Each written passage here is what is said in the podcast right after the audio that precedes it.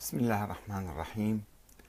السلام عليكم أيها الأخوة الكرام ورحمة الله وبركاته. بعد قليل نبدأ البث المباشر.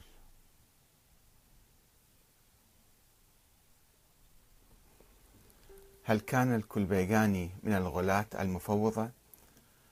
الكلباني الكلبيغاني يتخلى عن نظرية الإمامة ويقول لا بد للأمة من زعيم ورئيس وقيم وحاكم وإن لم يكن نبيا أو وصيا. ولكنه يلغي صلاة الجمعة باحتمال ضعيف بينما يوجب الخمسة باحتمال ضعيف آخر.